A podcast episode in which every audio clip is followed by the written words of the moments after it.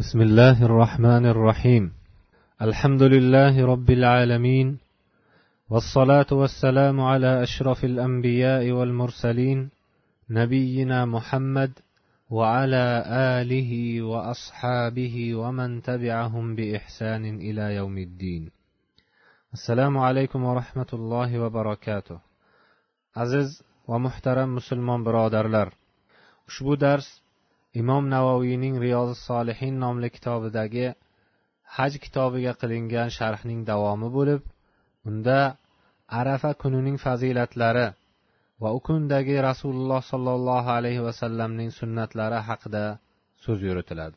Alloh taolodan hammamizni ushbu ulug' kunlarda yolg'iz o'ziga ibodat qilish va undan gunohlardan pok bo'lib qaytishni nasib etib qolgan umrimizni uni rozi qiladigan solih amallar bilan o'tkazishga muvaffaq qilishini so'rab qolamiz وعنها أن رسول الله صلى الله عليه وسلم قال ما من يوم أكثر من أن يعتق الله فيه عبدا من النار من يوم عرفة رواه مسلم yana oysha roziyallohu anha rivoyat qilishlaricha rasululloh sollallohu alayhi vasallam arafa kunidan ko'ra olloh unda bandani do'zaxdan ko'proq ozod qiladigan kun yo'q degan ekanlar. Muslim rivoyati. Bu hadis arafa kunining fazilatiga ochiq dalolat qiladi. Abdurazzoq rahimaulloh o'z musannafida ibn umar roziyallohu anhudan rivoyat qilishlaricha payg'ambar sollallohu alayhi vasallam shunday degan ekanlar. Arafada turishingga kelsak alloh taolo unda dunyo osmoniga tushadi. Va farishtalariga hojilar bilan faxrlanib ana ular mening bandalarim yiroq yo'llardan changga belangan va sochlari to'zigan holda rahmatimni umid qilib azobimdan qo'rqib kelishibdi. Holbuki ular meni ko'rishmagan agar ko'rishganda qanday bo'lardi deydi. Arafa kuni qilingan duo boshqa kunlardagidan afzal bo'lib bu arafa kuni boshqa kunlardan afzal ekaniga dalolat qiladi. Arafa kuni afzalligi esa kunlarning ba'zisi ba'zisidan afzal ekaniga dalolat qiladi. Lekin bu qur'on va sunnat orqaligina bilinadi. Shulardan ba'zilari juma ashuro arafa dushanba va payshanba kunlarining fazilatlari haqida kelgan sahih hadislar bo'lib bulardan birontasi qiyos va aql orqali bilinmaydi. Yana bu hadis ko'pincha arafa kunidagi duolar qabul bo'lishi va zikrlarning eng afzali la ilaha illalloh ekaniga dalolat qiladi. Tuhfatul ahvaziyning muallifi shunday deydi. Tanbeh avomlar orasida agar arafa kuni juma kuniga to'g'ri kelib qolsa o'sha haj hajji akbar bo'ladi degan gap keng tarqalgan. Lekin bu gapning asli yo'q gap. To'g'ri razin rahimaulloh talha ibn ubaydulloh ibn karizdan kunlarning eng afzali arafa kuni. Agar juma kuniga to'g'ri kelib qolsa boshqa kunlarda qilingan yetmishta hajdan afzal bo'ladi deb rivoyat qilgan. Shundan so'ng muallif gaplarini davom ettirib majmaul favoidda ham shunday kelgan. Vaholanki u mursal hadis bo'lib men uning isnodiga voqif bo'lmaganman degan ekanlar. Arafa kuni eng afzal kunlardan bo'lib u kunda duolar qabul qilinadi gunohlar kechiriladi va alloh taolo farishtalariga arafatda turgan hojilar bilan faxrlanadi. Olloh bu kunning qadrini boshqa kunlardan baland qilgan. U islom dini komil qilingan ne'mat benuqson to'kis qilingan kun. Gunohlar kechirilib do'zaxdan ozod qilinadigan kun. Aziz hoji birodarlar shunday ekan bunday qadri baland kun uning fazilatlari boshqa kunlardan ortiqligi va payg'ambarimiz sollallohu alayhi vasallamning u kundagi sunnatlari bilan tanishishga arziydi. Alloh taolodan barchamizni ushbu muborak kunda do'zaxdan ozod qilishini so'raymiz. Endi arafa kuniga tegishli ba'zi fazilatlarni aytib o'tamiz. Ular quyidagicha. Birinchidan arafa kuni unda islom dini komil qilingan ne'mat benuqson to'kis qilingan kun. Umar ibn xattob roziyallohu anhudan rivoyat qilinishicha yahudlardan biri u kishiga ey amiral mo'minin kitoblaringizda sizlar o'qiydigan bir oyat borki o'sha oyat agar biz yahudiylarga nozil bo'lganda o'sha kunni albatta bayram qilib olgan bo'lardik degan edi umar roziyallohu anhu. Qaysi oyat? deb so'radilar. Yahudiy bugun sizlarga diningizni komil qildim ne'matimni benuqson to'kis qilib berdim va sizlar uchun faqat islomni din qilib tanladim degan oyat deb javob berdi. Shunda umar roziyallohu anhu biz o'sha kunni ham payg'ambarimizga nozil bo'lgan joyni ham bilamiz. O'shanda u zot juma kuni arafada turgan edilar degan ekanlar. Ikkinchidan payg'ambarimiz sollallohu alayhi vasallam arafa qurbonlik va tashrih kunlari biz ahli islomning bayrami bo'lib bu kunlar yeb ichish kunlaridir degan ekanlar. Tabariy rahimaulloh o'z tafsirlarida umar roziyallohu anhudan rivoyat qilishlaricha bugun sizlarga diningizni komil qildim degan oyat juma kuni arafada nozil bo'lgan. Allohga hamd bo'lsinki ikkalasi ham biz uchun bayram degan ekanlar. Uchinchidan alloh taolo arafa kuniga qasam ichgan. Holbuki buyuk alloh taolo faqat buyuk va ulug' narsalarga qasam ichadi. Arafa kuni guvoh bo'linguvchi kun bo'lib abu hurayra roziyallohu anhudan rivoyat qilinishicha payg'ambar sollallohu alayhi vasallam va'da qilingan kun qiyomat kuni. Guvoh bo'linguvchi kun arafa kuni va guvoh bo'lguvchi kun juma kuni degan ekanlar. Alloh taolo fajr surasidagi vashafi val vatr ya'ni juft va toqga qasam degan oyatida qasam ichgan vatr ya'ni toq so'zidan maqsad arafa kuni bo'lib bu haqida ibn abbos roziyallohu anhuma juft qurbonlik kuni toq esa arafa kuni degan ekanlar. Ikrima va zahhaklar ham shunday degan ekanlar.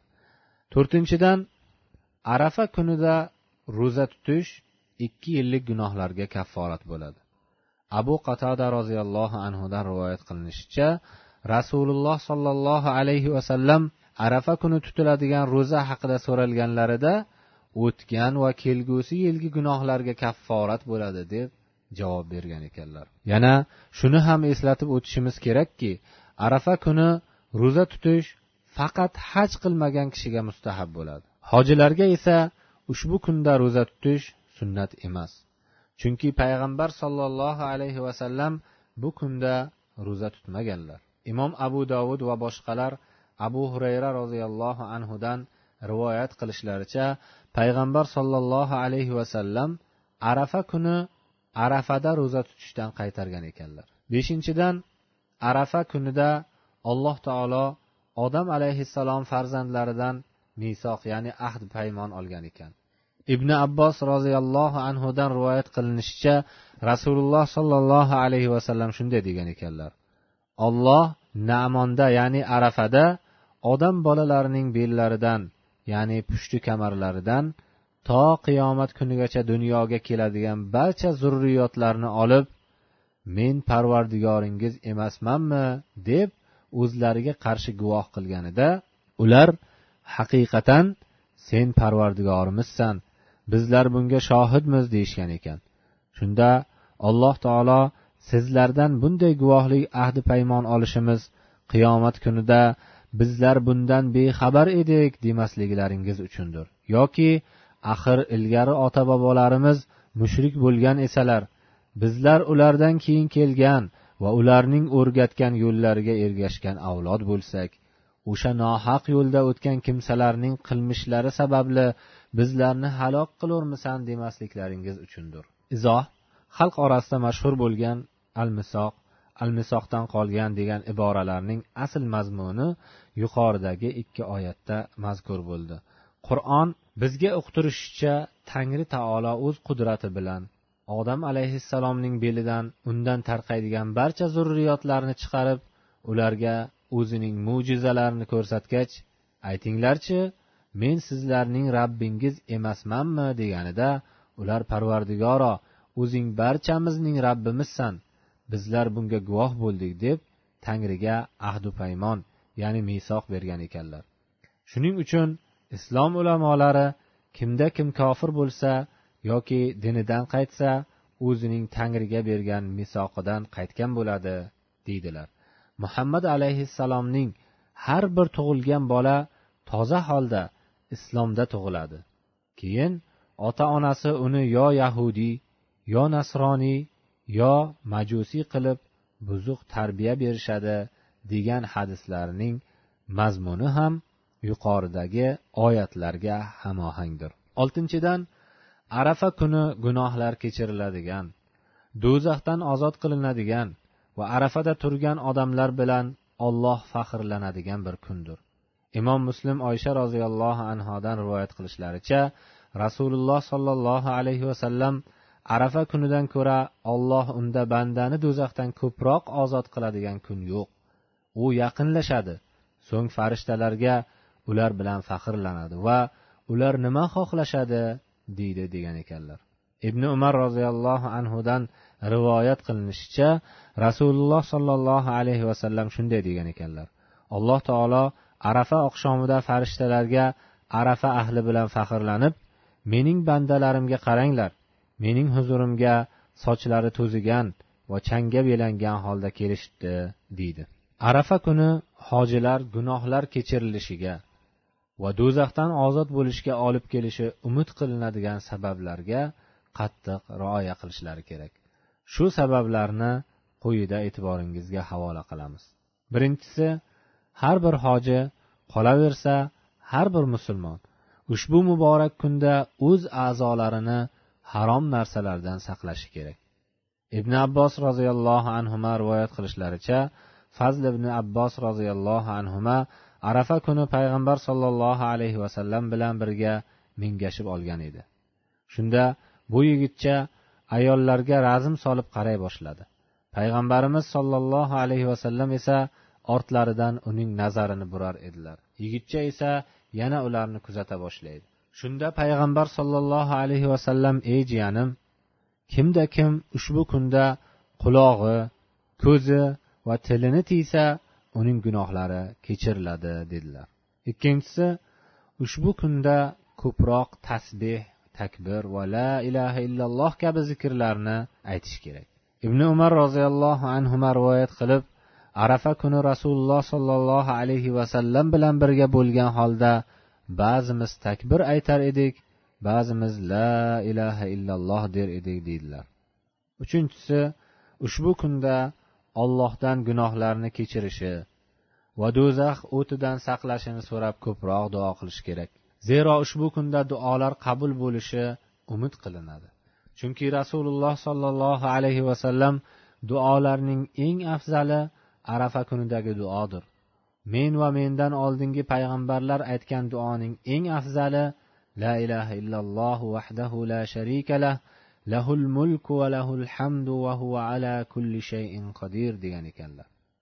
Shunday ekan bu ulug' kunda har bir musulmon zikr duo va istig'forga berilib o'zi ota onasi oilasi va musulmonlar haqiga duo qilishi kerak. Qiladigan duolarini haddidan oshmasdan duo qabul bo'lmayaptiku demasdan yolvorib qilishi kerak. Duo qilinadigan kunda qanday duo qilishni bilgan kishi qanchalik baxtli inson a aziz hoji birodarim ushbu kunda gunohlar kechirilishidan to'sadigan gunohlardan ehtiyot bo'ling. Masalan kabira gunohlarni tashlamaslik kibr yolg'onchilik chaqimchilik g'iybat va shunga o'xshash ma'siyatlar. Zero kabira gunohlarni tashlamasdan do'zaxdan ozod bo'lishni yoki ushbu ulug' kunda ma'siyat qilishlik bilan gunohlar kechirilishini qanday umid qilasiz? Qiblaga yuzlanib qo'l ko'tarib tik turgan holda yolvorib xato kamchiliklarini tan olib va haq rost tavba qilishga qasd qilib turish ushbu kunda duo qilish odoblaridan hisoblanadi. Rasululloh sollallohu alayhi vasallamning arafa kunidagi sunnatlari. Ibn qoyim rahimaulloh hikoya qilishlaricha zulhijjaning to'qqizinchi kuni tong otgach rasululloh sollallohu alayhi vasallam sahobalari bilan birga minodan arafaga yo'l oldilar. Sahobalardan ba'zilari talbiya ba'zilari takbir aytishardi. Rasululloh sollallohu alayhi vasallam esa bularni barchasini eshitar lekin ularga ham bularga ham inkor qilmas edilar. So'ng borib namira masjidiga tushdilar. Quyosh zavoldan og'gach qasvo nomli tuyalari tayyorlanishini buyurdilar. So'ng urana degan yerdagi vodiyning o'rtasiga kelganlarida tuyalariga mingan holda jiddiy xutba qilib unda islom qonun qoidalarini ta'kidlab shirk va johiliyat ahlining qonun qoidalarini bekor qildilar. Yana unda barcha dinlar haromligiga kelishgan harom narsalarni harom ekanini ta'kidlab o'tdilar. Rasululloh sollallohu alayhi vasallam faqat bir marta xutba qildilar. Xutbani yakunlagach bilol roziyallohu anhuga azon aytishni buyurdilar. So'ng iqomat aytib peshin namozini ikki rakat o'qidilar. Va unda qiroatni maxfiy qildilar. Uning so'ngidan yana takbir aytib asr namozini ikki rakat o'qidilar. Shubhasiz bu ikki namozni makkaliklar ham qasr va jam qilib o'qishdi. Payg'ambar sollallohu alayhi vasallam esa ularga namozni to'liq o'qishni buyurmadilar. Namozlarni ado qilgandan so'ng tuyalariga minib mavqifga keldilar va tog' bag'rida xarsang toshlar oldida qiblaga yuzlanib turdilar. Piyodalarning ko'pchiligini old taraflariga qo'ydilar. O'zlari tuyaga mingan holda to quyosh botguncha yolvorish va duo qilish bilan mashg'ul bo'ldilar. Odamlarni urananing ichki tomonida turmaslikka buyurdilar.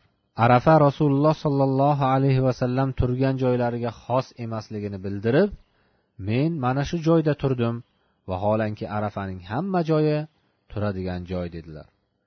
Odamlarga otalari ibrohimning merosi bo'lgani uchun o'z marosimlarida bo'lib o'sha joyda turishlarini bildirib odam yubordilar.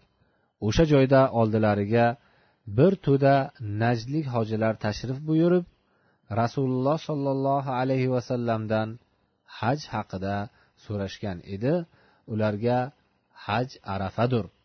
Kimda kim muzdalifa kechasi bomdod namozidan oldin arafaga kirib kelsa uning haji to'liq bo'libdi. Mino kunlari uch kun. Kim ikki kunda shoshilib zikrini to'xtatsa unga gunoh yo'q. Kim keyinda uchinchi kunga ham qolsa ungada gunoh yo'qdir dedilar. Duolarda ikki qo'llarini ko'kraklarigacha ko'tarib duo qildilar. Va duolarining eng afzali arafa kuni qilingan duo ekanini xabar qildilar. Quyosh yaxshi botgach arafadan muzdalifaga usoma ibn zaydni orqalariga mingashtirib olgan holda xotirjamlik bilan yo'l oldilar. Odamlarni xotirjamlikka targ'ib qilib ey odamlar xotirjam bo'linglar chunki ezgulik shoshilish bilan bo'lmaydi dedilar. Ushbu sayrlarida talbiyani to'xtatmay aytib keldilar. Yo'lning o'rtasida to'xtab peshob qildilar da yengilgina tahorat qildilar. Shunda usoma roziyallohu anhu ey rasululloh namozmi? deb so'radi. Rasululloh sollallohu alayhi vasallam namoz hali oldingda dedilar. So'ng muzdalifaga kelib namozga olinadigandek tahorat oldilar da azon aytishga buyurdilar. Azon aytilgach turib tuyalarni cho'ktirish va yuklarni tushirishdan oldin shom namozini o'qidilar. Yuklar tushirilgach namozga iqomat aytildi. So'ng xufton namozini azonsiz iqomatning o'zi bilan o'qib berdilar. Bu ikki namoz orasida boshqa bironta namoz o'qimadilar. Keyin bomdodgacha uxladilar. Ushbu kechani namoz o'qib o'tkazmadilar. Ba'zi salaflarning arafa kunidagi ahvollaridan bir shingil. Arafa kuni salaflardan ba'zilariga ollohdan qo'rqish yoki undan hayo qilish ustun kelar edi.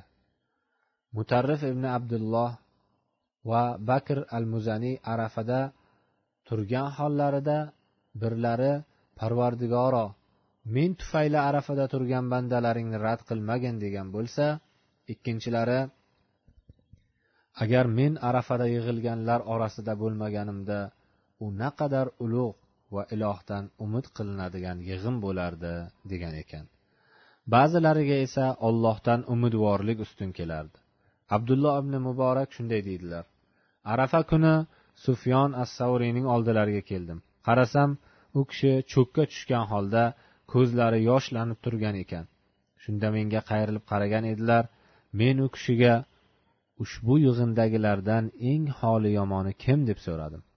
U kishi olloh gunohlarimni kechirmaydi deb o'ylagan kishi deb javob berdilar. Ibn abi dunyo rahimaulloh rivoyat qilishlaricha ali roziyallohu anhu yerdagi har bir kunda ollohning do'zaxdan ozod qiladigan bandalari bor. Arafa kunichalik bandalarni do'zaxdan ko'proq ozod qilinadigan kun yo'q. Shuning uchun ushbu kunda allohimma atiq raqabati minan nar va awsi li minar rizqil halal vasrif anni fasaqatal jinni val ins duosini ko'proq ayt degan ekanlar. Ma'nosi parvardigoro gardanimni do'zaxdan ozod qil menga halol rizqni mo'l ko'l qil va fosiq jinlaru fosiq insonlarni mendan bartaraf qil. Banda ikki holat orasida. Muhtaram hoji birodarim agar sizga salaflarning arafa kunidagi hollari ma'lum bo'lgan bo'lsa bilingki sizning holingiz ham ularning holidek haqiqiy qo'rquv va chin umidvorlik orasida bo'lishi kerak. Allohdan haqiqiy qo'rqish bandani harom qilingan narsalardan to'sib turadi. Bordiyu ushbu qo'rquv oshib ketsa undan noumidlik kelib chiqish xavfi bor. Chin umidvorlik esa ilm ma'rifat asosida toat qilgan bandaning ollohning savobini umid qilishi yoki gunohlaridan tavba qilib ollohga qaytgan bandaning uning mag'firatini va kechirishini umid qilishidir. Alloh taolo aytadiki iymon keltirgan vatanlaridan hijrat qilgan olloh yo'lida kurashgan zotlar ana o'shalar ollohning rahmatidan umidvordirlar. Olloh mag'firat va rahm shafqat qilguvchidir. Aziz birodarim. Shuning uchun ushbu ulug' maqomda va muborak kunda qo'rquv va umidvorlik orasini jamlab allohning azobidan qo'rqishimiz va uning mag'firatini umid qilishimiz kerak. Arafada turgan hojilar uchun tabriknoma. Muhtaram arafada turish baxtiga muvaffaq bo'lgan hojilar. Sizlar qizg'in qalblar shashqator yoshlar bilan allohga yolvorgan kimsalar qatorida turib unga iltijo qildingiz. Ular orasida qancha qancha ollohdan qo'rqib bezovtalangan va allohga bo'lgan ishtiyoqi va muhabbati va allohga bo'lgan ishtiyoqi va muhabbati alangalangan kimsalar bor edi. Shuningdek qanchalab ollohning va'dasiga yaxshi gumon qilgan tavbasini olloh uchun xolis qilgan va uning ostonasiga bosh urib kelgan kimsalar bor. Qanchalab do'zaxga kirishga loyiq bo'lgan kimsalarni alloh taolo ushbu ulug' kunda uning azobidan qutqarib yelkasini og'ir qilib yotgan gunohlaridan xalos qildi. Ushbu kunda olloh ularning holiga boqib osmon ahli bo'lmish farishtalarga bu muborak yig'in bilan faxrlanadi. So'ng yaqinlashib ular nima istaydilar? Deydi. Allohga yolvorib chin dildan ibodat qilgan barcha hojilarni chin qalbdan muborakbod etib hajlarini o'z dargohida qabul qilishini so'rab qolamiz. Shu bilan ushbu darsimizga yakun yasaymiz va bu darsning davomini kelgusi darslarimizda davom ettiramiz.